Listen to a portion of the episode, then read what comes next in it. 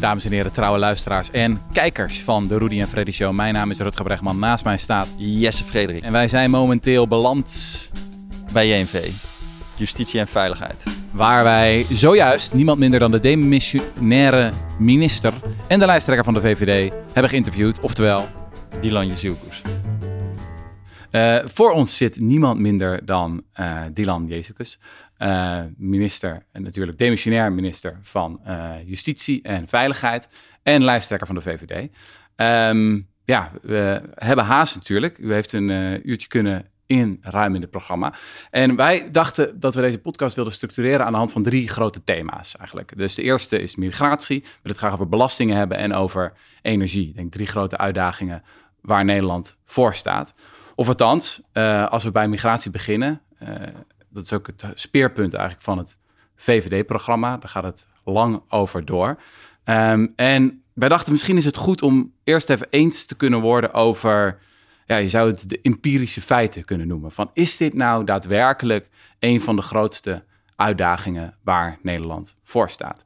Um, u um, zei dingen als er komen te veel mensen naar Nederland. we hebben het over nareis, op nareis, op nareis. Nee, en, dat zei eh, ik over de hele stroom. 225.000 mensen migratie. Ja, precies. Ja. Uh, en wij zaten nou, natuurlijk netjes ons huiswerk te doen voor deze podcast. En wij denken van, ja, is dat nou? Is dat nou daadwerkelijk zo? Als je het bijvoorbeeld hebt over de asielinstroom, dan zit Nederland eigenlijk gewoon op het Europese gemiddelde. Landen als België, Frankrijk, Duitsland ontvangen relatief gezien meer asielzoekers. België zelfs anderhalf keer zoveel. Als je het dan over die nareis hebt, heb ik de feiten even opgezocht. Ja, dan heb je het over een 0,06% toename van de Nederlandse bevolking. Uh, experts zeiden ook tegen NRC over dat dat nareis op nareis op nareis, dat komt eigenlijk helemaal niet voor. Dat is, ja, Arjen Lubach zei hypothetisch op hypothetisch op hypothetisch. Dat is een beetje een, een, een angstbeeld. Um, dus ik vraag me af van, is het nou logisch om in deze tijd, in 2023, zo lang door te gaan over een thema migratie? Van, is dat nou daadwerkelijk de grootste uitdaging waar Nederland voor staat? Nou, als u uh, naar mijn verhaal luistert, dan hoort u dat ik het heb over mensen met middeninkomens die wakker liggen van de rekeningen, over klimaatmaatregelen die we zinnig moeten vormgeven, maar zeker ook over migratie. Uh, er komen te veel mensen het land in. En netto saldo is op dit moment rond de 223.000 mensen. Dat is heel veel. Uh, en dat aantal moet naar beneden. En dat zijn uh, drie stromen eigenlijk, als je het zo afbakent. Asiel, arbeid en internationale studenten. En als we dan focussen op asiel... Dank u wel. Dus het, het verhaal is, uh, ik zeg dank u wel omdat ik net koffie krijg. Voor degenen die dat niet, uh, niet zien. Uh, als je dan inzoomt op asiel, dan uh, vind ik ook dat dat aantal naar beneden moet. En waarom? Want nareis op nareis op nareis was een voorbeeld, wel degelijk de praktijk. Maar het was een voorbeeld en het was een onderdeel beperken ervan van het bredere pakket van maatregelen die op tafel lag voordat het kabinet viel. Ehm, en um, ik ik zie dat we onze regels, onze wetgeving, hoe we het hebben ingericht, op dit moment zo hebben ingericht dat het aantrekkelijker is om naar Nederland te komen dan elders. Zeker voor bepaalde groepen, als je ziet dat de inwilligingspercentage heel hoog is, dat je dan hier je uh, asielverzoek kunt indienen en ook nog gehonoreerd kunt krijgen. En waarom vind ik dat erg? Want u noemde als voorbeeld België. Nou, u heeft die beelden gezien. In België loopt het volledig uit de hand. Ik wil dat voorkomen. Dus het is niet voor mij, nou, daar is nog minder, wij kunnen nog wel even doorgaan. Nee.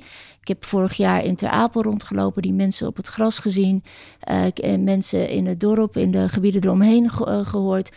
Dit is voor niemand goed. Dit is voor niemand goed. En daarbij zeg ik, instroom moet naar beneden, daar heb ik concrete maatregelen voor. Daarbij zeg ik ook, staat ook in het programma, je moet ook in die keten investeren. En je moet ook zorgen dat mensen weer kunnen uitstromen. Dus mensen die statushouder worden, waarvan dus erkende vluchtelingen zijn, die gun ik ook oprecht een betere start dan dat we ze nu geven. Die gun ik een snellere, verre start in de Nederlandse samenleving, zodat zij ook de beste kans hebben. En ook daar leveren we niet op. Dus ik heb heel weinig met eh, mensen die zeggen: kom allemaal maar, kunnen we allemaal hebben. Dat is feitelijk onjuist. Je laat dan mensen die je nodig hebt in de steek. Ik heb ook heel weinig met mensen die zeggen: gooi maar de grenzen dicht, slaat nergens op, kan niet. Dan maak je dit land kapot, maak je de ondernemers kapot. Of mensen die een getal noemen, zeggen nou dat is het maximum. En bij doorvragen dat je achterkomt, je hebt er geen maatregelen bij om het naar dat getal te brengen. En je hebt geen enkele maatregel om het op dat getal te houden. Het moet dus gaan over zinnige maatregelen. En die wij voorstellen passen allemaal binnen de Europese verdragen. Sterker nog, heel veel landen om ons heen doen die ook al. Dus waarom kunnen we het dan niet over die inhoud hebben, zodat we een stap naar voren kunnen zetten? En dan tenslotte, mijn belangrijkste opdracht vind ik echt daarbij, dus antwoord geven op de vraag: wie heeft ons nodig? We zijn er nu niet voor die echte vluchtelingen, vind ik echt. En wie hebben wij nodig? En dat zou dan het verhaal over arbeidsmigratie zijn, als we daar ook over komen te spreken. Want op dit moment hebben we daar ook geen grip op. Dus alle sectoren, branches, bedrijven die willen, die halen mensen hier naartoe. En ik vind dat je daar ook veel meer uh, gerichter op kunt uh, werken. En dan heb je ook nog de groep internationale studenten. Maar dan hebben we drie podcasts gevuld. Ja. Nou had de Algemene Rekenkamer had begin dit jaar hadden die een rapport over focus op uh, opvangcapaciteit. En zij liet in dat rapport eigenlijk zien dat uh, de begroting voor ja, asielopvang in 21 van de afgelopen 23 jaar eigenlijk te krap was vastgesteld. Dus eigenlijk bijna elk jaar uh, was er te weinig budget en moest dat later worden opgehoogd. En vaak werd dat dan ook nog veel duurder, omdat het dan in één keer allemaal noodopvang uh, werd. En um, ik geloof dat de reguliere opvang kost iets van 19 euro per plek per nacht. En als we het hebben over crisisnoodopvang in het laatste jaar, was het 150 tot 200 euro per plek per nacht. Nou, dat is een, dat is een aardige B&B, denk ik. Um, en in dat rapport werd eigenlijk ook beschreven dat, dat dit helemaal geen nieuwe analyse is. Dat het elke keer gewoon uh, er heel veel op en afgeschaald wordt. Sterker nog, dat er eigenlijk door die loop der jaren constant waarschuwingen zijn geweest en verzoeken om budget. Om te zeggen, we moeten eigenlijk veel meer capaciteit hebben. Uh, om, om ja, als die migratiestromen die geheid komen, om die op te kunnen vangen. En dat is eigenlijk steeds niet gebeurd. Um, hoe komt dat? Um, kijk, als je bijvoorbeeld, dit is een, een, zoals u het ook net inleidt, een van meerdere jaren, maar kijk naar de recente jaren, dan uh, is het tijdens corona is er afgebouwd omdat die plekken leeg stonden. En daarna nog een hoog aantal mensen daarna het land in, waardoor dan al die plekken erbij gezocht moesten worden. Ik denk niet dat dat de beste manier is om met dit soort problemen om te gaan. Daarom zeg ik ook, voor de VVD is het heel belangrijk dat we naast het forse inperken van de instroom ook gewoon investeren in die keten. Ik heb heel veel mensen in die keten gesproken. Hoe hard zij moeten werken om dingen draaiend te houden, dat heb ik echt heel veel respect voor. Maar ik zou ze wel beter gunnen. Uh, als je dan ziet, als die crisisplekken, dat dan de gemeenten opeens plekken moeten gaan realiseren. En als je ook ziet eigenlijk hoe we dat organiseren. Het is en mooi dat het kan, maar dat zijn niet plekken waar je mensen een start in Nederland gunt. Hè? Uh, dus het is, het is en, en, en. En daarom ben ik veel als mensen alleen maar zeggen: het is een opvangcrisis en je moet alleen maar meer en meer en meer plekken regelen. Terwijl ik denk: nee, want als je kijkt naar wie ons land binnenkomen, er zitten ook ontzettend veel mensen tussen die uitgeprocedeerd raken, geen echte vluchteling blijken, maar ook arbeidsmigranten waarvan ik denk: waarom hebben we per se die mensen in ons land nodig? Dat kunnen we anders organiseren. Dus het hoort bij uh, leiderschap, daar hoort bij dat je op al die elementen, dus de instroom, doorstroom en uitstroom, uh, uitstroom. Dus uh, voor mensen die hier mogen blijven naar een, naar een woning of een andere vorm van opvangplek waar je leven kunt beginnen hier. Daar hoort op al die drie dingen hoort inzet. Mm -hmm. maar u, u suggereert dat die crisis in Ter Apel dat dat te maken heeft met de instroom, te hoge instroom van asielzoekers. Terwijl uit dit verhaal blijkt eerder dat het gewoon te maken heeft met jarenlang politiek falen en te weinig investeren in opvangcapaciteit. En dat gewoon die buffer waar de professional de hele tijd om vraagt, weet je, de mensen die daadwerkelijk de opvang moeten doen, die zeggen van regel dat nou. Um, dus het voelt voor mij ook een beetje als een gecreëerde crisis, die dan inderdaad heftige beelden oproept en dat dan mensen denken, oh, dit land is helemaal vol, dit kunnen we niet aan. Maar weet je, als je, kijk, u gaat wel voorbij aan mijn oproep om ook te stil te staan bij, zijn we er nou voor de echte vluchteling? Als je je wetten en je regels zo regelt dat het, dat het eerder loont om naar Nederland te komen, omdat je eerder een vergunning krijgt, ook al ben je misschien geen echte vluchteling, dat is de huidige situatie, dan heb ik daar principieel een probleem mee. Maar is dat zo? Want dat, dat, is, de aanzuigende werking. Dat is zo. Als je een heel hoog inwilligingspercentage hebt, als je uit bepaalde landen komt, en eigenlijk hoef je niet te bewijzen waarom jij daar onveilig was. Mhm. Wij moeten eigenlijk bewijzen waarom wij denken dat je veilig terug kan. Dat is dus omgekeerd. Maar nu deed het Verwij Jonker Instituut, dat deed in opdracht van ja, uw eigen ministerie deed een onderzoek. En die zeggen dat er voor die aanzuigende werking geen bewijs is. Nee, die zeggen voor de aanzuigende werking... Het is een letterlijk citaat uit het rapport. Eh, ik heb het rapport goed gelezen. Het was inderdaad in ons eigen opdracht. Ik heb het goed gelezen. Uh, mensen verlaten uh, hun huis vanwege of veiligheid of andere omstandigheden... omdat ze een beter leven willen. Mm -hmm. Even daarop, daar heb ik uiteraard alle begrip voor. Uh, Maar eh, op zoek gaan naar een beter leven, bijvoorbeeld betere inkomsten, valt niet onder het vluchtelingenverdrag. Wij maken het onderscheid nu heel slecht, waardoor dus één stroom deze kant op komt. Dus dat is mijn fundamenteel bezwaar voor hoe we het hebben ingericht.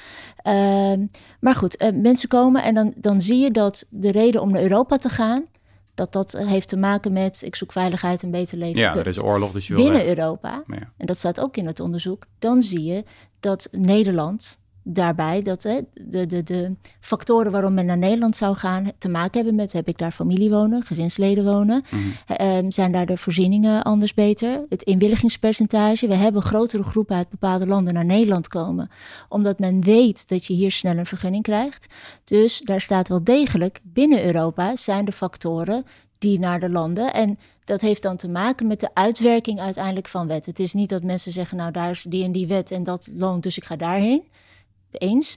Maar de omstandigheden die we inmiddels hebben gecreëerd zorgen ervoor dat het voor bepaalde groepen aantrekkelijker is om naar Nederland te komen. En ik wil daar dan op inzoomen. Is dat dan hoe je vluchtelingenbeleid moet inrichten? Dus als je voorbij gaat aan het allereerste wat ik zei, ben je er nou voor die echte vluchteling? Ik verzeker u, dat zijn wij niet. En daar heb ik moeite mee. Daar heb ik moeite mee als mens, als politicus, als oud-vluchteling omdat het lekker makkelijk klinkt om dat besluit niet te maken. Maar vluchtelingenverdrag is niet voor niets ooit uh, ingesteld. Dat is gericht op mensen die vervolgd worden, die onveilig zijn, die hun alles opeens moeten verlaten. Ik wil ook graag zinnig uh, en functionerend beleid in Europa en in Nederland voor mensen die op zoek zijn naar een beter leven.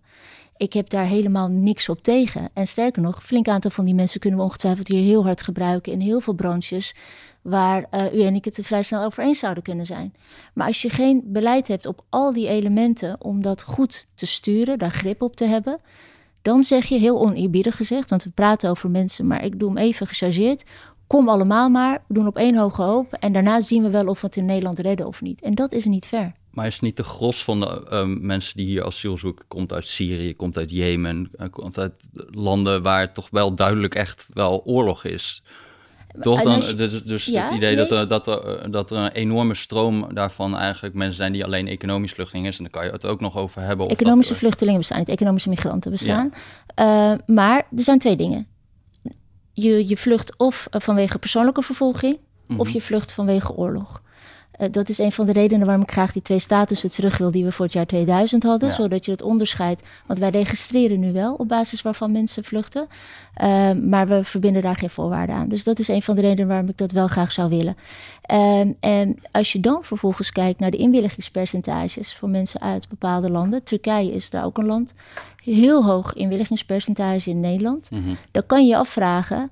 Hoe hebben we dat nou eigenlijk ingericht? En is dat fair? Is dat nou echt um, hoe je dat moet doen. En zijn die mensen daar onveilig en hoe, hoe, wat is daar bewijs ja, van? Ja, ik las in een rapport dat het omdat wij soepeler zijn tegen gulenisten bijvoorbeeld. Dan aanzienlijk soepeler. Ja, aanzienlijk. aanzienlijk. Ja. ja. Um, maar kan je afvragen, is dat slecht? Ik bedoel, ik geloof dat die ook toch echt vervolgd worden. Ik uh, woonde een tijd geleden in een, uh, in een huis met iemand die, uh, die in een forensisch laboratorium werd, die op een dag werd beschuldigd gulenist te zijn. Of dat waar was, weet ik niet. Maar dat, die had wel echt een probleem, geloof Kijk, ik. Kijk, en precies wat u net zegt. Uh, het gaat erover, want dat gaat dan over individuen waar ze ook vandaan komen. Op het moment dat jij komt, dan hoort erbij dat we jouw verhaal toetsen. Mm toch? Want anders kan iedereen met een verhaal komen. En als je plek wil houden voor mensen die echt vluchten vanwege echt onveiligheid, dan moet je ook dat onderscheid kunnen maken. Anders heeft geen, dan hoef je het vluchtelingenverdrag niet eens te hebben. Dan zeg je, zie maar wie tot Europa redt en gefeliciteerd, dan heb jij mhm. eh, hier een plek.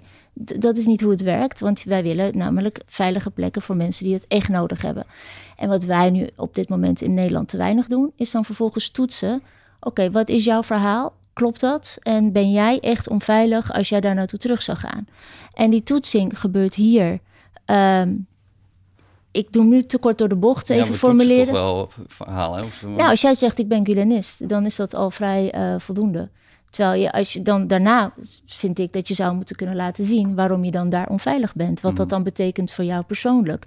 De, de, dat land zit vol met mensen die Gulen-aanhanger zijn, die daar ook goed kunnen leven. Dus wat maakt nou jouw verhaal? Daarbij zeg ik niet, dus dan mag je hier niet blijven. Ik zeg, dan moeten we dat beter toetsen. En als je dan naar het inwerkingspercentage kijkt en dan met de landen om ons heen vergelijkt ehm, eh, dan kan je afvragen, dan vraag ik mij af, waar zijn we mee bezig? Dit kunnen we veel strakker organiseren. Dit is een voorbeeld. En Mijn punt is dat als je al die voorbeelden in Nederland bij elkaar zet, dat we dan iets hebben opgebouwd, waardoor we uiteindelijk de mensen die ons echt nodig hebben in de steek laten. En Nederlanders ook overigens. Nou zat ik laatst naar een debat over die spreidingswet te kijken. En daar hoorde ik Erik van den Burg ook uitleggen aan Wieberen uh, van Haga van ja, er wordt over die inwilligingspercentages wordt heel veel uh, gemaakt. Maar hij zei ja, het ligt ook heel erg aan wie dan naar dat land komt. Dus in Spanje komen veel mensen uit Zuid-Amerika, in Frankrijk veel Algerijnen en Marokkanen. Ja, daardoor krijg je ook een lager inwilligingspercentage in die landen vergeleken met ons. We hebben ook een ander soort mensen, veel uit Syrië bijvoorbeeld, die veel hogere kans hebben om uh, het ingewilligd te krijgen. Ja, dus uh, appels dus, met peren. Zeg maar, ja. is de vraag niet ook heel erg... Je kan wel aan die knop een beetje draaien, dat geloof ik ook echt wel. Dat wij op aspecten ook wel uh, ruimhartiger zijn. Maar hebben we het dan over substantiële aantallen? Ik bedoel, de verschillen zijn echt niet zo groot binnen Europa. Nou, kijk, en daar heeft u helemaal gelijk in. En dat is ook waarom uh, ik in ieder geval vanaf het begin zeg: er is niet één maatregel, één heilige graal, één ding aan te wijzen van als we dat anders zouden doen, dan zou het helemaal anders gaan. Dat zeg ik hier ook niet. Mm -hmm. Maar we weten ook dat de mensen uit bepaalde gebieden hier naartoe komen, omdat we die hoge inwilligingspercentage hebben. En als je dan eenmaal in Europa bent en je weet dat die hoge inwilligingspercentage is, maar je hebt hier ook een grote gemeenschap van die mensen uit het land, dan begrijp ik dat je hier naartoe komt. Ik neem het hen ook niet kwalijk. Mm -hmm. uh, ik zeg wel, je moet steeds scherp kijken. Stellen we de juiste vragen? Doen we het op de juiste manier? En dat heeft voor mij ook fundamenteel te maken met beter dan dus ook voor de echte vluchteling. En als je dat onderscheid nooit durft te maken, uh, als je denkt dat het humaan is om dat onderscheid niet te maken, nou, dan ga je voorbij aan het feit dat we niet iedereen kunnen opvangen. En dat ik die plekken graag wil hebben voor mensen die echt onveilig zijn. En of dat nou mensen zijn die moesten vluchten omdat ze homo zijn en nooit meer terug kunnen. Of mensen zijn die vanwege een oorlogssituatie vluchten, maar hopelijk voor hen ook wel snel weer terug kunnen, omdat mm. als er weer rust is. Uh, en daar dan verschillende voorwaarden aan koppelen. Uh, ik ben ervoor dat we voor die mensen, naast opvang in de regio, elders in Europa, ook in Nederland goede plekken hebben. En één ding wat mij heel erg opviel toen. Uh, um, was, was eigenlijk als je dan ziet in eind 2021 komen vanuit het COA komen heel erg veel uh, klachten van we kunnen het niet meer aan en het is, er zijn geen opvangplekken meer en het wordt heel moeilijk om mensen op te vangen. Een paar maanden later krijgen we de Oekraïne-oorlog. En in één keer kunnen wij op hebben we eigenlijk een heel ander regime gemaakt voor Oekraïners, waar we een staatsnoodrecht hebben uitgeroepen, hebben we om het COA heen ge, gewerkt, hebben we eigenlijk een soort de facto spreidingswet gewoon al ingevoerd, waardoor gemeenten verantwoordelijk zijn voor de opvang van Oekraïners. En Warempel, we weten in één keer 100.000 Oekraïners op te vangen. In hoeverre is het dan geloofwaardig dat al die tekorten en die asielopvang, dat we dat niet konden regelen in de jaren daarvoor? Kijk, voor Oekraïners is er op Europees niveau inderdaad een andere regeling ingesteld. Ook ja. gezegd hè, dat mensen hier um, op plekken in Europa naartoe konden gaan en ook vrij snel konden werken en dergelijke. Uh, en als Nederland hebben wij ook heel bewust gezegd: dit is nou wat opvang in de regio betekent. Dus dan ga je kijken wat daarop nodig is. En wat er gebeurde was dat gemeenten heel veel Nederlanders gewoon hun huizen open hebben gesteld en hebben gezegd: deze mensen kunnen hier um, verblijven. En dat was, uh, denk ik, ons diepste wens allemaal dat dat zo kort mogelijk zou zijn. Voor de Oekraïners zelf uh, op de eerste plaats. Nu zie je dat het langer duurt. En nu zie je ook dat die opvang ook begint te knellen. Want dat waren die tijdelijke plekken. Um, ik, ken ook mensen die hebben gezegd: Ik heb ruimte in mijn huis, kom maar. Wat ontzettend mooi was. Maar als dat heel lang duurt, ja, op een gegeven moment gaat het ook knellen. Uh, dus dat is een uitzondering die gemaakt is. Um, vanwege de positie die we hebben. Dat is, dat is een opvang in de regio. Maar uiteindelijk maar, moet je het goed regelen, regulier voor iedereen. En dat betekent inderdaad uh, en goed plannen. Hoeveel mensen verwachten we hier? Hoeveel plekken heb je dan nodig? En hoe doe je dat op een goede manier? Niet alleen vanwege de kosten, maar ook vanwege de rust in gemeenten en dorpen. Iedereen weet waar ben ik aan toe. Dat, weet u, toen, toen ik acht was en naar Nederland kwam, kwam kwamen wij in een wijk uh, te wonen met eh, heel veel autochtone Nederlanders om ons heen. En we werden ontzettend warm onthaald. Uh, daardoor heb ik een hele fijne start gehad in dit land. En als je nu ziet hoe soms mensen worden onthaald, we moeten het echt beter organiseren. Ja, ja daar zijn we het helemaal over eens. Maar dat kan toch prima? Nee. Dit is toch gewoon een Nee, dat... een gecreëerde crisis. Mijn moeder werkt op een school met Oekraïners. Die worden heel, best wel goed behandeld hoor. Dat is toch niet ja. een uh, soort uh, ja, volgens mij gaat dat. Uh... Nou, kijk, en, en over opvang in de regio. Mariupol ligt op uh, 2400 kilometer van Amsterdam. Istanbul ligt op 2200 kilometer van Amsterdam. Mm Aleppo op 3000 kilometer van mhm. Amsterdam. Het zijn nou niet allemaal waar dat, waar dat precies, waarom dit nou precies in één keer regio, opvang in de regio heet. Nou, daar, kunnen we van mening verschillen. Europees hebben we dat wel zo gezien. In Nederland hebben we het zo gezien. En ik sta er ook achter. Maar goed, je, je kunt daar van mening verschillen. En je kunt. Maar wat uh, is het verschil dan? Het is, het is ons continent. Het is ons continent. Het, is, het, uh, het, is, uh, het zijn praktisch onze beuren.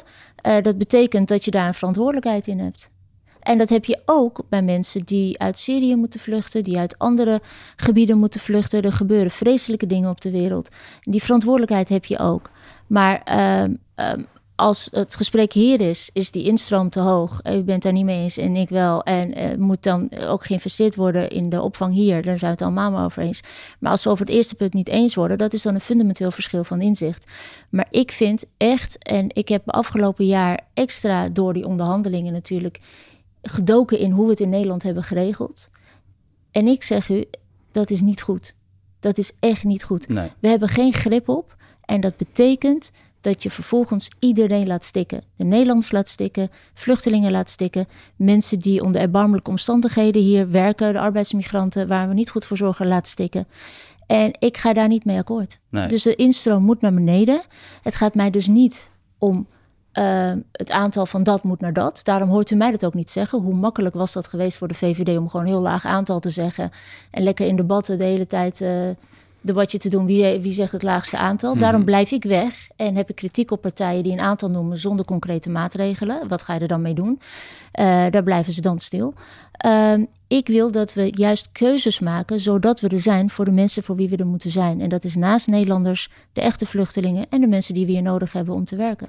En hoe kon het dan dat we in één keer wel 80.000 plekken konden maken. En in de jaren daarvoor dat dat dan heel erg moeizaam en crisisnood. En, en, en, het is nog steeds moeizaam. Kijk, dat kon doordat gemeenten en Nederlanders ook hun uh, plekken en huizen openstelden en zagen wat er gebeurde en bij omdat er een wet verplaatsing bevolking uit 1952 werd ingeroepen voor staatsnoodrecht om hun te dwingen om dat te doen. We hebben niemand gedwongen. Dat was om de burgemeesters daarvoor de bevoegdheid te geven. We hebben daarbij niemand gedwongen. We hebben gezegd, maar wie alles kan wordt ons gefinancierd, helpen? zelfs onbezette bedden. Wie kan ons helpen? En u, u zult het zien bij de opvang van asielzoekers hoe ver we gaan om voor te zorgen dat er plekken zijn, dat, hoe, hoog die kosten zijn, dat we nog steeds zeggen, doen we.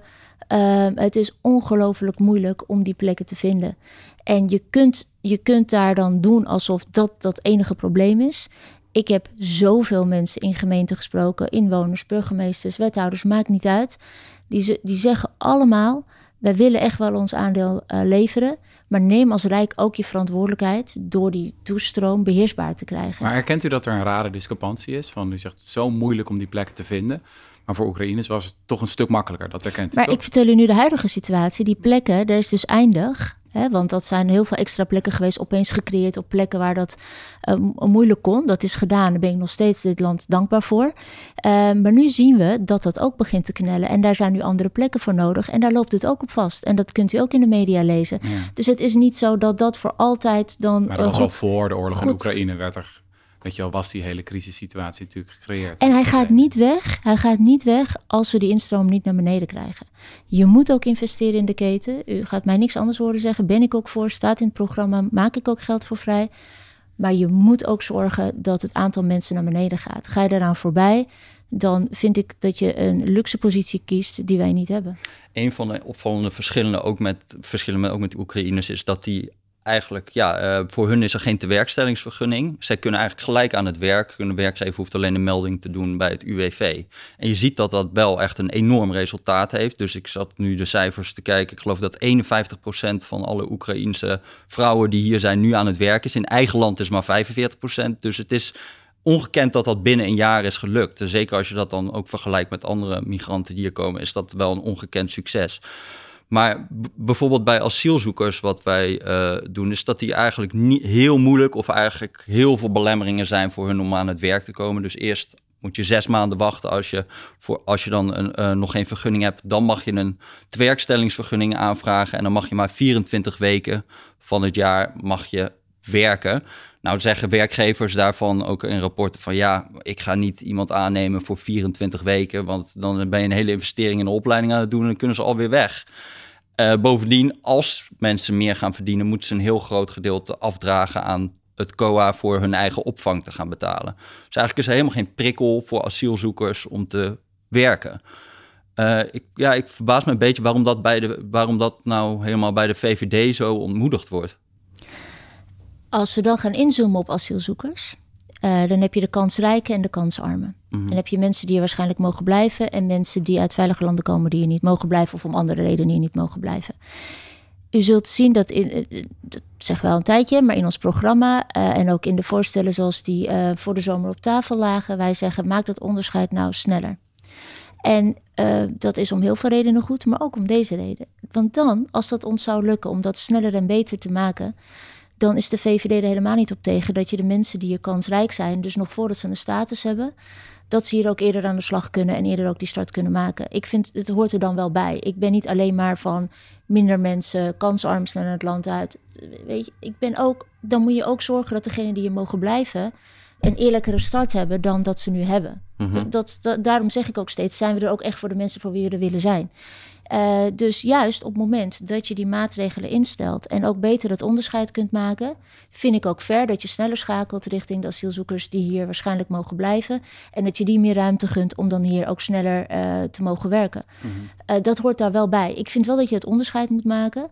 Want ik wil niet in een situatie belanden dat we weer iets hebben opgetuigd. waardoor het weer loont om hier naartoe te komen, ook voor de kansarmen. Dat onderscheid is wel evident. Dat moet je wel maken, wil je het op een goede manier kunnen inrichten. Dus ik ben het met u eens, maar ik maak wel één slagje dieper het onderscheid en dan zou ik daar graag me voor inzetten. Ja, je zou toch kunnen zeggen dat gewoon iedereen zo snel mogelijk aan de slag moet? Nee, want ik wil dat mensen die kansarm zijn en die dit land moeten verlaten, wil ik liever helpen het land te verlaten, dan dat ze hier kunnen gaan werken. Daarvoor wil ik goed functionerend arbeidsmigratiebeleid. dat is daarom ook een belangrijk onderdeel van mijn verhaal. Dus als jij hier komt om te werken, dan moeten er andere routes voor zijn. Ook goed ingericht, met grip. Uh, maar niet de asielstroom gebruiken voor de echte vluchtelingen die die plek nodig hebben. Dat, dat is, als je echt humaan beleid wil, dan maak je dat onderscheid op die manier. Maar voor de overgrote uh, as, uh, hoeveelheid asielzoekers, ja, nu is het inwilligingspercentage echt uh, 80, 85 procent. Ja, dan hebben we het dus over. Die zijn dus blijkbaar kunnen die hier uiteindelijk krijgen die een verblijfsvergunning. Die zijn kan je bijna eigenlijk al zeggen van stel ze dan nu in staat om te werken. Want hoe langer je daarmee wacht, dat weten we ook van langdurige werkloosheid hoe moeilijker het ook wordt om weer aan het werk te komen. Maar dan, dan zegt u dus, uh, gooi al je concrete maatregelen in de prullenbak en faciliteer de huidige situatie, waar ik juist net van aangeef dat ik daar zoveel moeite mee heb. Dus eerst de maatregelen treffen, dat je zorgt dat je goed het onderscheid kunt maken, goed bent voor de mensen die hier mogen blijven, snel duidelijkheid geeft aan de mensen die hier niet mogen blijven. Uh, en in ons hele stelsel voldoen we dus ook aan, uh, niet aan een aantal Europese richtlijnen daarop. Hè? Als je hier komt, krijg je meteen een verblijfsvergunning voor vijf jaar. En daarna krijg je hem eigenlijk uh, voor onbepaalde tijd. Terwijl de richtlijn aan ons vraagt. Toets of iemand nog steeds in een onveilige situatie zit of dat iemand weer terug kan. Mm -hmm. Als je al deze stappen overslaat, dan voeg je dus, even nu met mijn woorden, zo zou je het niet, maar met mijn woorden, uh, voeg je dus weer een maatregel aan toe wat ons alleen maar aantrekkelijker maakt. Maar je hebt niks gedaan aan voor wie moet ik er nou zijn? En heb ik dat goed ingeregeld? Als we mhm. dat doen, als we daarover eens kunnen worden, dan kunnen we ook eens worden over dat mensen die hier kansrijk zijn ook sneller kunnen integreren. Toen, toen wij kwamen, mijn ouders die moesten ook wachten dat ze, dat ze mochten werken. Ze gingen meteen vrijwilligerswerk doen, ze gingen meteen de taal leren. En toen ze konden werken, vrij snel, konden we daarna ook echt integreren in deze samenleving. Waarom zou ik dat een ander niet gunnen? Maar dan mhm. moet je wel aan die voorkant het onderscheid kunnen maken. Want anders tuig je alleen maar meer regels, meer wetgeving op. Maar nu wordt het een heleboel mensen niet gegund, omdat er een paar zijn die misschien uiteindelijk niet kansrijk zijn. En, maar zo zit het dus niet. Hè? Het is wel als je, als je dat beleid niet op orde hebt, zoals wij het nu niet op orde hebben. Uh, dan kan je niet zeggen het, uh, van, van de duizenden zijn het een handje vol. Nee, je moet aan de voorkant het onderscheid maken, veel sneller duidelijkheid bieden. Zorgen dat je ook alles op alles zet, dat mensen die hier niet mogen blijven ook weggaan dan kan je ook zorgen dat je alles op alles zet voor de mensen die hier wel mogen blijven, dat ze een eerlijke start hebben. Dat gaat niet zonder elkaar. Is het niet zelfs voor die minder kansrijke misschien beter als die in ieder geval aan het werk zijn, in plaats van dat ze ergens rondhangen en uh, ellende veroorzaken? Nou, dat is voor niemand goed als dat gebeurt. Ja. Voor niemand goed. Dus daar treden we ook stevig in op. En wat mij betreft alleen maar steviger. De reden waarom. Kijk, als jij kansarm bent, dan ben je via de asielstroom hier binnengekomen, ben je geen echte vluchteling. Als ik dan vervolgens tegen je zeg, maar je kan hier gewoon werken, dan heb ik dus weer dat hele asielbeleid uh, volledig vast laten lopen.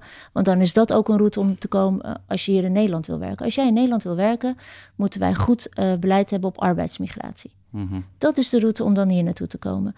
En ik heb echt, echt principieel grote bezwaren vanuit bescherming van vluchtelingen. Als je zegt, het maakt niet uit hoe je hier binnenkomt, op welke, via welk argument je dat doet. je kunt hier altijd aan de slag, je kunt altijd dit dan kunnen we, bedoel, als dat de stelling is, dan moet je stelling zijn: we laten het vluchtelingenverdrag los. Iedereen mag overal naartoe en daarna zien we wel of we je nodig hebben of niet. Ja. Ik vind dat niet fair. Ik wil graag vluchtelingenbeleid echt op vluchtelingen gericht hebben en arbeidsmigratie echt op arbeidsmigranten. Dus als jij naar Nederland wil komen omdat je hier een beter leven zoekt en een baan zoekt, dan gaan wij kijken: zijn er branches waar we jou hard kunnen gebruiken? Want tekortberoepen zijn er zat. Ja. Nou, dat, dat waarom zou dat onredelijk zijn? Ja, ja. Een ander belangrijk aspect is de integratie natuurlijk van nieuwkomers. En jullie schrijven in het programma dat uh, jullie nieuwkomers beter willen laten integreren om onze vrije waarden te beschermen. En ik vroeg me af uh, wat u vindt van de huidige stand van zaken. Gaat het goed met integratie in Nederland? of niet? Um, soms wel, soms niet. Laten we het zo zeggen. Als ik zie dat er uh, zoveel mensen zijn die uh, misschien ooit ergens anders zijn geboren of tweede, derde generatie zijn, het onderdeel uitmaken van deze samenleving, een weg hebben gevonden. Het zijn er zat. Uh, dat is uitstekend en klaar en punt. En dat zijn gewoon Nederlanders. Um, als ik zie dat er mensen zijn die zich zelf op de eerste, tweede, derde, vijfde plaats Noord-Nederlander zouden noemen, denken dat uh, hun land elders is, maar wel hier leven. Um, dat vind ik een hele lastige. Dat vind ik oprecht een hele lastige. Omdat ik me afvraag wat je binding is met dit land. Met de vrije waarden van dit land. Met hoe we dit land hebben ingericht. Uh, en wat mij betreft uh, zijn die groepen echt te groot. En dat is de reden waarom ik, als ik zeg het is totaal mislukt, dan doe ik heel veel mensen die onderdeel uitmaken van deze samenleving en bijdragen, doe ik tekort. Maar als ik zeg het is helemaal niet mislukt, dan ga ik voorbij aan die grote groepen mensen Uh, waarvan ik echt, wat me pijn doet, hoe kan je hier geboren zijn, hier naar school zijn gegaan, hier werken of hier een uitkering ontvangen of wat je ook doet. En dan denken dat elders je land is en dat daar, dat je meer bezig bent, bijvoorbeeld met verkiezingen daar dan mhm. met hier. Dat, dat, dat vind ik echt hm. het falen van integratie. Nou is het op zo'n thema natuurlijk altijd een beetje verleidelijk om in te zoomen op anekdotes of nieuwsberichten. En dan hebben we in Nederland een schitterend instituut, het Centraal Bureau voor de Statistiek. En Jesse en ik gingen eigenlijk wel een beetje juichen. We dachten, we kunnen wel een vlag uithangen, want die statistieken zijn wel echt lekker volgens mij. Ik, zullen er een paar langs gaan? Ik bedoel, als het over school hm. gaat, had je in 2003 maar liefst 45,5% van de 25 tot 35-jarige Nederlanders met een niet-westerse migratieachtergrond had geen startkwalificatie. Dus weet je wel, geen HAVO, VWO of MBO 2-diploma. En inmiddels is het nog maar 16,3% Dus dat is geweldige vooruitgang. Als je kijkt naar bijvoorbeeld uh, Marokkaanse moeders in 1995, uh, kwam slechts 10,6% van hun inkomen uit werk. Nu is het 62,1% Bij hun dochters. Ja, bij hun dochters, ja. Als je nu kijkt naar criminaliteit, nou dat is helemaal een feest eigenlijk. En ik snap eigenlijk niet wat je zou kunnen zeggen van juist de VVD mhm. zou er ook heel blij mee moeten zijn. Maar die gaat gewoon kei en keihard omlaag. En die daalt nog het snelste onder jongeren met een niet-westerse migratieachtergrond. Dus even kijken, van de 10.000 12 tot 18-jarige niet-westerse allochtonen stonden er in 2005 nog 887 geregistreerd als verdachten en nu 227. Um, ehm, deze vind ik ook mooi. Nederlanders met een niet-westerse migratieachtergrond zijn nu 30% minder vaak verdacht dan autochtone Nederlanders uh, in het jaar dat Geert Wilders zijn partij begon. Dus dat gaat toch, dat gaat toch gewoon ontzettend lekker. En ik dacht van, ja, het, kan dat niet ook in zo'n verkiezingsprogramma genoemd worden? Waar is het gaat gewoon die sombere achtergrondmuziek over, dit, over dit thema valt mij altijd op. Ik, dan, ja. dan is een beetje alsof jullie net mijn eerste antwoord hebben gemist. Mhm. Dus laat ik daar even naar teruggaan. Daarom zei ik ook, er zijn ontzettend veel mensen die gewoon onderdeel uitmaken van deze samenleving. Maar in mijn antwoord ging ik met een reden in op Ehm, de vrije samenleving die ons zou moeten binden. En de basis, de waarden die wij hier met elkaar zouden moeten delen. Mm u zijn het Marokkaanse moeders, voor mij zijn het Nederlanders van Marokkaanse komaf. Maar we praten er wel nog steeds over zo. En mensen praten ook over zichzelf zo. dat is voor mij het maar dat is voor mij het fundamentele. Mhm. Dat is voor mij zo fundamenteel. Um, en dat zijn de dingen waar ik mij zorgen over maak. Als je uh, kinderen ziet die uh, hier zo weinig binding hebben met ons land. Ik gun het ze dat ze mooie cijfers halen, dat ze hier werken. Maar als je aan hen vraagt, wat ben je, wie ben je? Dat ze dan misschien als eerste zouden zeggen Marokkaan of een Turk. Dat doet mij oprecht pijn, oprecht. Als iemand die hier niet geboren is, dat doet mij pijn. Dit is mijn land. Um, ik, alles wat hier goed gaat en slecht gaat, ik voel me uh, er onderdeel van en ik wil eraan werken om het beter te laten gaan ja. of het te koesteren. En dat gun ik iedereen. En als we zien dat er grote groepen zijn die dat niet zo voelen, dan vind ik dat je uh, als overheid, als politiek, ook daarnaar moet kijken. Waar gaat het dan mis in ons beleid? Waar doen we het dan verkeerd? Maar het gaat hartstikke goed. Ik bedoel, dit is toch spectaculaire vooruitgang ten opzichte van Maar ik heb het dus over waarde. Ik heb het over wat ons bindt. Nou ja. Uh, en uh, u heeft het over cijfers. En er is een reden waarom ik niet zeg, het, het heeft gefaald. Het is aan het falen. Mm. Er is ook echt wel een reden waarom ik niet zeg, cijfers zeggen alles. Uh, want dat is, dat is dan die modellenwerkelijkheid waar we dan en naar kijken en zeggen, oké, daar zit ja, de mooie model. Het is gewoon een, de werkelijkheid maar, waarin we leven. Mensen doen het, beter op eens. school. U bent het niet met mij eens beter in de, dat er een waardeprobleem is in het land. Dat, ik denk dat je gewoon naar, naar nuchtere mm. feiten en cijfers kan kijken om te kijken van oké, okay, um, is dit alleen maar een anekdote her of der? Of er is er een dieperliggend probleem? En dat het ook belangrijk is om te vergelijken in de tijd. Dus als je ziet dat bijvoorbeeld um, Nederlanders met een niet-westerse migratieachtergrond ongeveer 30% minder vaak geregistreerd worden van een misdrijf dan Nederlandse jongeren in 2006. Mm. Maar nu dan is dat gewoon geweldige vooruitgang. Dan mag je dat gewoon. Maar nu gaan we naar de praktijk. Ja. En uh, vergeet even dat ik minister ben. Uh, in de tijd dat ik nog gewoon Dylan was en geen minister, mm -hmm. kon ik ook niet in een taxi stappen, omdat 9 van de 10 keer daar een uh, taxichauffeur zit van Turkse komaf. Mm -hmm. Die vervolgens ongelooflijk onbeschoft naar mij is, omdat ik kritisch ben op het beleid van Turkije. Mm -hmm. Dat is wel de praktijk. Mm -hmm. Dat is wat ik meemaak. En uh, dat is wat heel veel mensen meemaken. Als het gaat over dit soort voorbeelden, en daar kan ik eindeloos over doorgaan. Ik wil het niet anekdotisch maken, want het moet gaan over hoe ziet het land eruit. Mm -hmm. uh, maar als je weet dat op het moment dat een Lale Gül een boek schrijft en vervolgens bedreigd wordt vanuit de zogenaamde Nederlands-Turkse gemeenschap. We doen alsof het een homogene gemeenschap is, is natuurlijk niet zo omdat zij uh, kritisch is over uh, geloof of omdat ze haar eigen verhaal vertelt of fictie schrijft. Maakt me niet uit welke, welke invalshoek je kiest. Als je dus even inzoomt naar de praktijk en dan kijkt naar de waarde en wat er gaande is, dan kan je niet beweren dat er geen probleem is. En daar gaat het mij maar dat, om. Dat zegt nee, maar dat, is, maar dat is dus als je mij dan vraagt, ja. hoe zit het met de integratie? Want mm -hmm. ik noem nu hele fundamentele waarden die ons in Nederland zouden moeten binden. En van daaruit kan iedereen zijn eigen identiteit en cultuur en invulling. En bij de meeste mensen zal het inmiddels een mix zijn. We zijn een land vol mixen. Mm. Dat zijn. Maar feit is dat dat voor uh, flinke groepen op dit moment niet geldt. En ik vind echt dat heel zorgelijk. En ik uh, kies mijn woorden zorgvuldig, omdat ik daarmee niet wil zeggen. Dus uh, die, die mensen deugen niet en uh, punt. Dan zit je in de overheid om te kijken hoe hebben we nou beleid ingericht? Wat is daar nou op gedaan? Om te voorkomen dat het zo zou worden. Ik, ik gun dat kinderen opgroeien in een samenleving of in een gezin waarvan ze weten hoe die samenleving eruit ziet. Dat iedereen dezelfde rechten heeft als jij. En dat dat kan betekenen dat iemand op een hele andere manier leeft. En dat je daar op zijn minst gewoon respect voor toont. En punt, weet je. Daar hoef je, niet, je hoeft je leven niet zo te leiden, maar wel respect ervoor hebben. En ik ga niet doen alsof daar niet een ontzettende groot, uh, uh, groot probleem aan de hand is. En dat is er.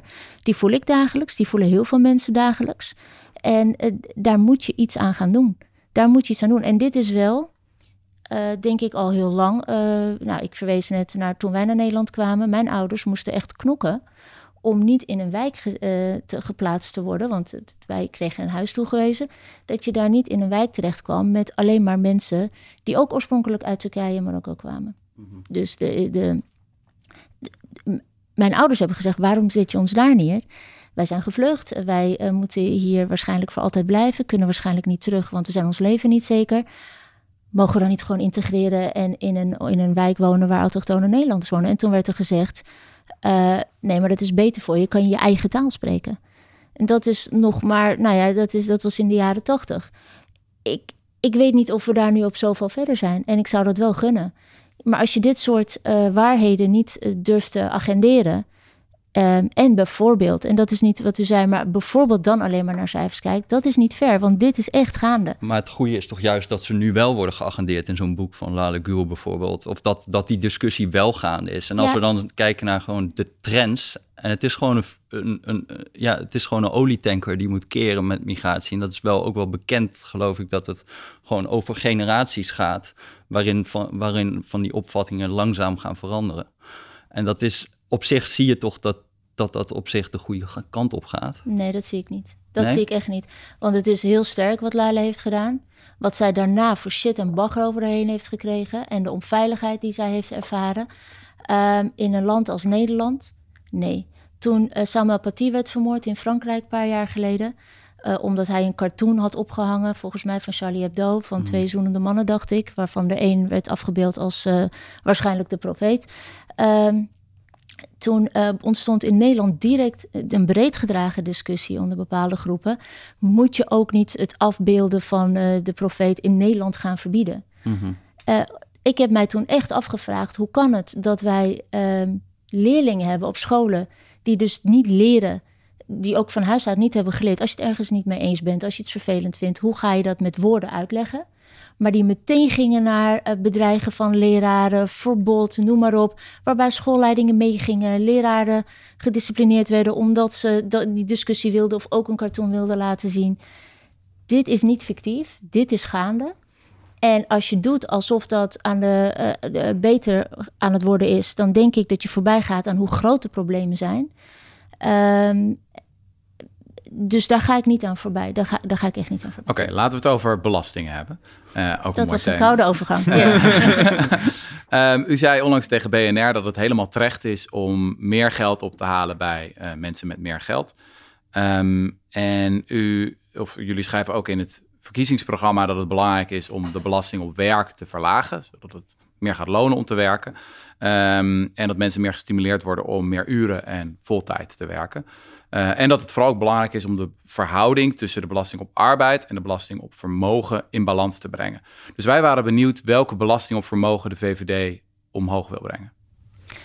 Nou, wat ik daarbij heb gezegd is, en we hebben dat de afgelopen jaren veel gedaan. Hè? Er zijn uh, regelingen afgeschaft, zoals de zogenaamde jubelton. Uh, de vermogensbelastingen zijn omhoog gegaan, VPB is omhoog gegaan. Um, en ik heb in een debat gezegd. En als dat blijkt dat dat in de toekomst nog ergens wat, wat beter kan, dan kijken we naar. Dus ik ga niet hier zeggen, per definitie, daar praat ik niet over. Maar als u mij vraagt, wat zijn nou uw voorstellen? Want in mijn, mijn mm intrinsieke voorstellen vanuit mijzelf, dan is het uh, bij dat dichter bij elkaar brengen, heb ik liever dat we de belastingen voor de middengroepen en de werkenden verlagen. Ook dan breng je het dichter bij elkaar. Omlaag, maar dan moet je, om het in balans te brengen, moet hij op vermogen omhoog, toch? Dat hoeft niet per se. Ik denk dat we dat de afgelopen tijd heel veel hebben gedaan. Uh, ik ben niet dogmatisch. Ik zeg niet dat is uh, onmogelijk, doen we niet weer. Maar als je ziet dat we ook vergelijken met andere Europese landen vaak aan de bovenkant van het gemiddelde zitten, vind ik ook fair dat als het gaat over als je ergens op investeert om de belastingen omlaag te doen, bijvoorbeeld bij werkenden, dat je niet automatisch kijkt waar kan ik dan belastingen meteen weer verhogen, maar dat je ook naar jezelf kijkt als overheid waar kan het minder. En ik weet dat u nu door gaat vragen, heel concreet, helemaal terecht. Ja. Is het vandaag dinsdag, morgen, woensdag komt de doorrekening. Ja, en daar staat het in, al.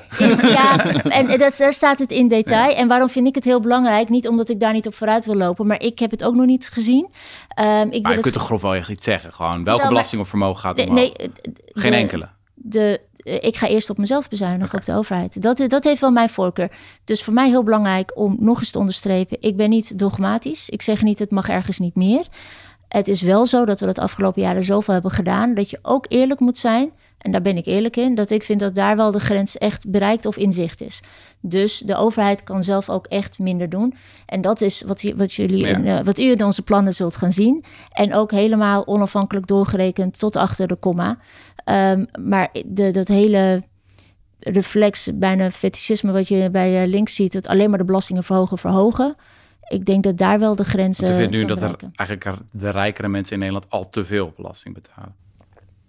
Ik denk dat de reflex dat je altijd en groepen tegenover elkaar zet en denkt als ik daar meer weghaal, dan is het beter voor die. Mm -hmm. uh, dat vind ik een, uh, een tekort door de bocht. We hebben het afgelopen jaren ook veel gedaan, ook met steun van de VVD.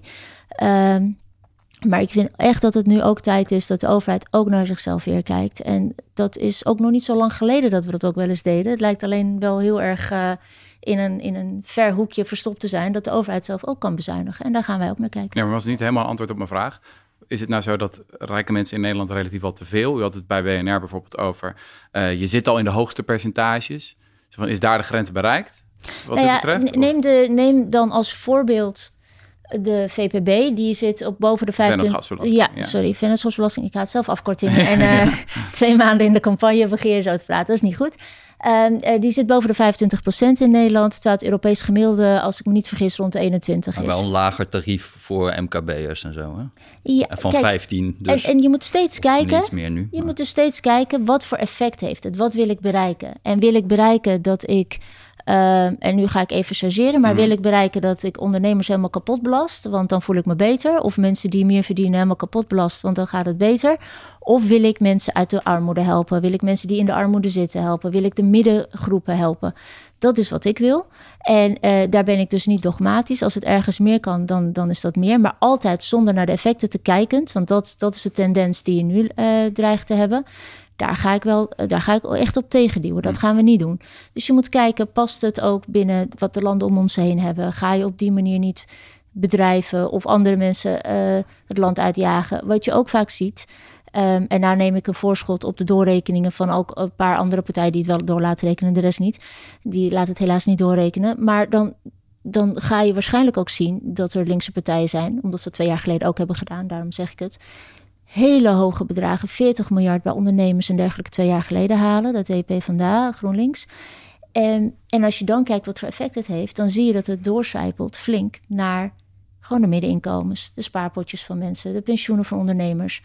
En dat is de reden waarom ik daar voorzichtig in ben. Waar hebben we het dan echt over? Waar gaat het echt over en wat wil je bereiken? Wat ik wil bereiken is de middengroepen helpen en mensen uit de armoede helpen. Dat is het doel. En ik denk dat je dat kunt doen door ook heel veel vanuit de overheid te halen. En als dat grenzend is, eindig is, dan moet je niet dogmatisch zijn. Dan moet je ook kijken waar kan ik het anders vandaan halen. Nou is er een uh, hele mooie liberale traditie waarin, uh, dat zijn types als Kort van der Linden, de vorige premier, en die maakte eigenlijk een onderscheid tussen... De eerste liberale premier. Ja, de eerste liberale premier eigenlijk. Ja, vorige premier, nou, 1917, maar goed. Die, uh, en die maakte een onderscheid tussen verdiend inkomen en onverdiend inkomen. En hij zei, verdiend inkomen is inkomen waarvoor je echt hebt gewerkt en waarvoor je hebt gespaard en waarvoor je echt een inzet hebt geleverd. En onverdiend inkomen is eigenlijk geld wat je komt aanwaaien, gewoon door geboorterecht. In die tijd had je nog wel wat adel of zo, nou dat is nooit echt groot geweest, maar één, voor, één ding wat hem een door in het oog was, was erfenissen bijvoorbeeld. Dat heb je eigenlijk alleen te danken aan dat jij toevallig bent geboren als een zoon of dochter van. Nu hebben jullie in het verkiezingsprogramma ook voor uh, de bedrijfsopvolgingsregeling. Dat is in, Nederland een faciliteit voor bedrijfseigenaren. Dat die krijgen dus een heel sterk verlaagd belastingtarief uh, voor de erfbelasting als je een bedrijf erft. Um, en dat is iets wat vooral ja, neerslaat bij mensen die best wel veel geld hebben. Dus volgens CPB had berekend dat het 1,2 miljoen euro per erfgenaam gemiddeld omgaat. Waarom? Waarom zijn jullie daar? Pieter Kort van der Linden draait zich om in zijn graf. Ja. Als uh, trouwe luisteraar van jullie had ik deze wel verwacht. Ja. Want uh, jullie zijn niet zo'n fan, hè? Even nee, zacht nee, uitgedrukt. Nee. Wij, zijn, wij zijn liberalen, dus wij ja. geloven heel erg in zelf werken voor je eigen geld. Ja. Um, uh, ik denk dan één stapje terug naar het principe hier. Want dat is, dat is eigenlijk, denk ik, waar wij van mening verschillen. Um, het principe waarbij je een familiebedrijf overgeeft hè, aan, uh, aan je kinderen, aan je, aan je familie die daarna daarvoor klaar staat. En dat je daar niet meteen heel veel belasting over moet betalen, zodat je vooral daarmee bezig bent met de belastingaanslagen in plaats van investeringen en het creëren van extra banen. Dat is voor mij een heel belangrijk principe. Het is een principieel iets. Het is niet altijd dat je alleen maar kijkt naar. Um, um, de, de efficiëntie ervan. Want je zou kunnen zeggen, er zijn bedrijven die die aanslagen kunnen betalen. En dan kies ik ervoor om te zeggen, ik heb ja, liever dat ze dat geld investeren in, uh, in innovaties bijvoorbeeld. Dus ik, ik, heb, uh, ik heb me echt verdiept in ook jullie standpunt. Want ik snap hem de, denk ik wel heel goed. En ik weet dat hij heel, uh, heel sterk is. En die is niet alleen voor ja. jullie, maar het is bij, bij, yes, ja. maar het is bij, bij meer mensen. Um, maar ik kies er echt principieel voor om te zeggen dat ik vind, eh, familiebedrijven zorgen voor een heel hoog percentage werkgelegenheid, mm. voor heel veel banen. Ehm, en daar is ook wat voor te zeggen dat je daar ook uh, aandacht voor hebt. En dat is wat we doen. Tegelijkertijd, die BOR, die bedrijfsopvolgingsregeling, is ook met steun van de VVD, flinke steun van de VVD, ook natuurlijk met de jaren uh, versoberd. Gekeken hoe kan je misbruik tegengaan. Want dat was. Dat Hij is, vooral verruimd van een vrijstelling van 25% naar inmiddels 83%.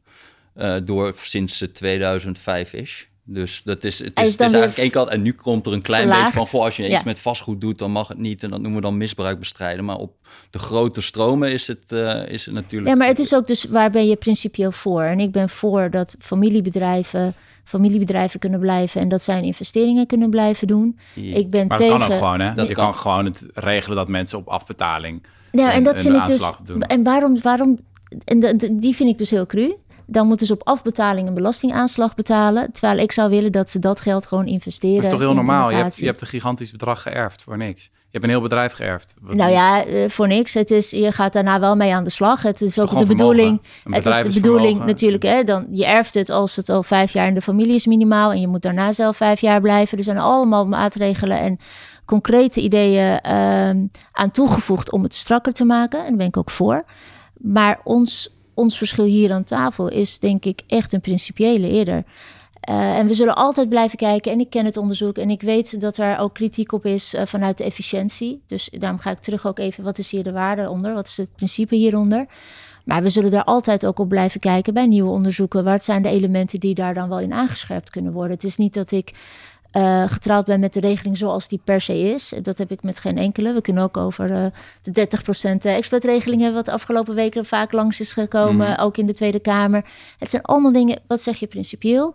Wat wil je ermee bereiken en hoe kun je het daarna goed inrichten? En, maar wat is het principe? Ik ben niet helemaal duidelijk van. Vind, je, vind je dat uh, zoons en dochters van meer aanspraak mogen maken, een lager tarief moeten betalen dan iemand die echt heeft gewerkt voor, voor inkomen. Moet inkomen dat je komt aanwaaien niet gewoon zwaarder worden belast eigenlijk dan inkomen waarvoor je hebt gewerkt?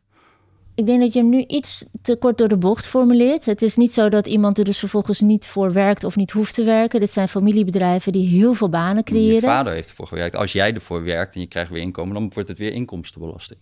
En, en, je, en het is dus, zijn, dus dat is mijn principe. Het zijn de familiebedrijven die voor heel veel banen zorgen. Het zijn de familiebedrijven die we, vind ik, in Nederland ook moeten koesteren. Ik vind dat iets heel moois. Uh, en vervolgens uh, heb je daar inderdaad een grens dat ze vanaf een bepaalde grens moeten ze de belasting voor betalen en uh, daaronder niet.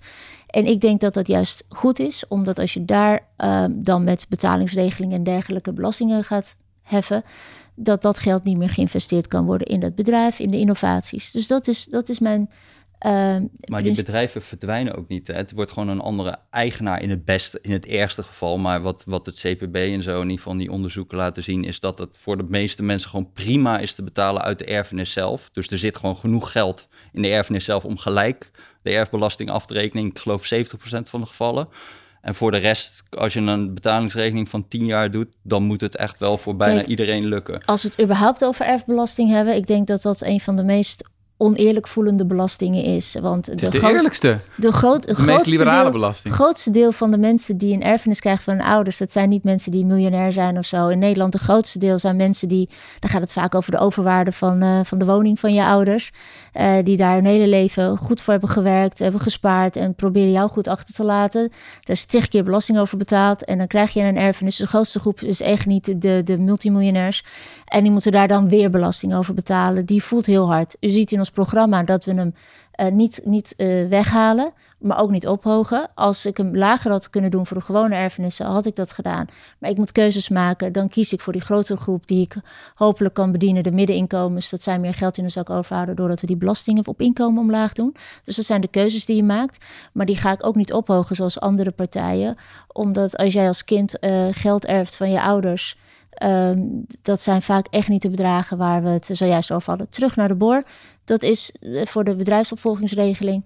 Ja, daar maak ik echt principieel een andere afweging. Ik vind het heel goed om te kijken hoe die steeds strakker kan, zodat er geen misbruik van wordt gemaakt. En ik denk dat we dat, uh, die stappen hebben gezet, maar ongetwijfeld komen er nieuwe stappen. Zal ik ook altijd naar kijken. Um, maar ik uh, denk niet dat wij het hier aan tafel eens gaan worden. Maar dat ik over dat je twee keer belasting betaalt. Ik ga toch ook niet naar de, bij de kassa bij de Albert Heijn klagen van... goh, ik moet nu btw betalen, ik heb al inkomstenbelasting betaald. Ik bedoel, elke euro in onze economie wordt, wordt vaker belast. Dus dat is, daar is een erfenis niet eh, uitzonderlijk voor of zo. Nou ja, maar daarom, daarom gaf ik ook aan hoe die ehm, volgens mij echt heel sterk voelt bij heel veel kinderen vooral. Die, Ja, voelt. Ja, maar kijk, je doet, het, het, zijn, het zijn de overwaarde van de woning van je ouders. En daar betaal je alsnog weer belasting Er een over. vrijstelling tot 80.000 of zo, toch? Voordat je daar überhaupt aan komt, zijn wel Nee, echt je mensen... betaalt, je betaalt sowieso een percentage, maar wordt na, de, na een bepaald bedrag wordt, die, wordt het percentage hoger. Nou, sommige partijen willen dat alleen maar verdubbelen, verdubbelen. Ehm, maar goed, dus ik denk dat je elke keer dan zorgvuldig moet kijken, wat is het doel überhaupt? Voor mij is het doel nooit eh, eh, random alleen maar meer belasting heffen. Nee, dat is het doel nooit. Dus wat wil je hiermee bereiken? En een eerlijker stelsel altijd voor. Eh, nogal voor. En ik weet dat we, ongetwijfeld komen daar nu ook over te spreken, of een volgende keer. En ons stelsel kan een heel stuk eerlijker. Ehm, maar je moet ook kijken, wie raak je er vervolgens mee? Wat bereik je ermee? Ehm, en voor wie doe je nou wat? Mhm. We zitten door de tijd heen. Ehm, als u straks dan misschien premier wordt, komt er dan ook een portret van Pieter Kort van der Linden in het torentje? Blijft Dat zou hangen? best kunnen. Ik dacht dat u zou vragen, gaan we het dan ook nog hebben over klimaat, energie, Ja, ja, ik groene wou- Ja, Wij hadden graag nog door willen gaan. Wij hebben alle tijd. Maar Ja, helaas, het spijt me. Ik heb inderdaad eh, nu afspraken, maar ik Ja. doe graag, eh wordt vervolgd als het van nu mag. Ja, In welk kantoor Ja, ik eh, straks ook zit. Of in de Tweede Kamer, in een bunker, zou ook zomaar kunnen. Of waar dan ook. U bent overal welkom en dan wordt vervolgd. heel graag. want inderdaad, kernenergie hebben we nog gemist. Het grote Was ik voor, even voor het geval Ja, dat was iemand dat zo? voor. Ja. Helder. Was het opgevallen? Ja. Oké, Dank voor uw tijd. heel veel dank. En dit was helaas alweer de laatste aflevering in de serie van de grote verkiezingsshow van de correspondent. Jesse, wat vond je ervan? ja, mooi dat het kabinet maar snel mag vallen. Dan gaan we het nog een keer doen, toch? Inderdaad, en dan hopen we ook echt alle lijsttrekkers te strikken.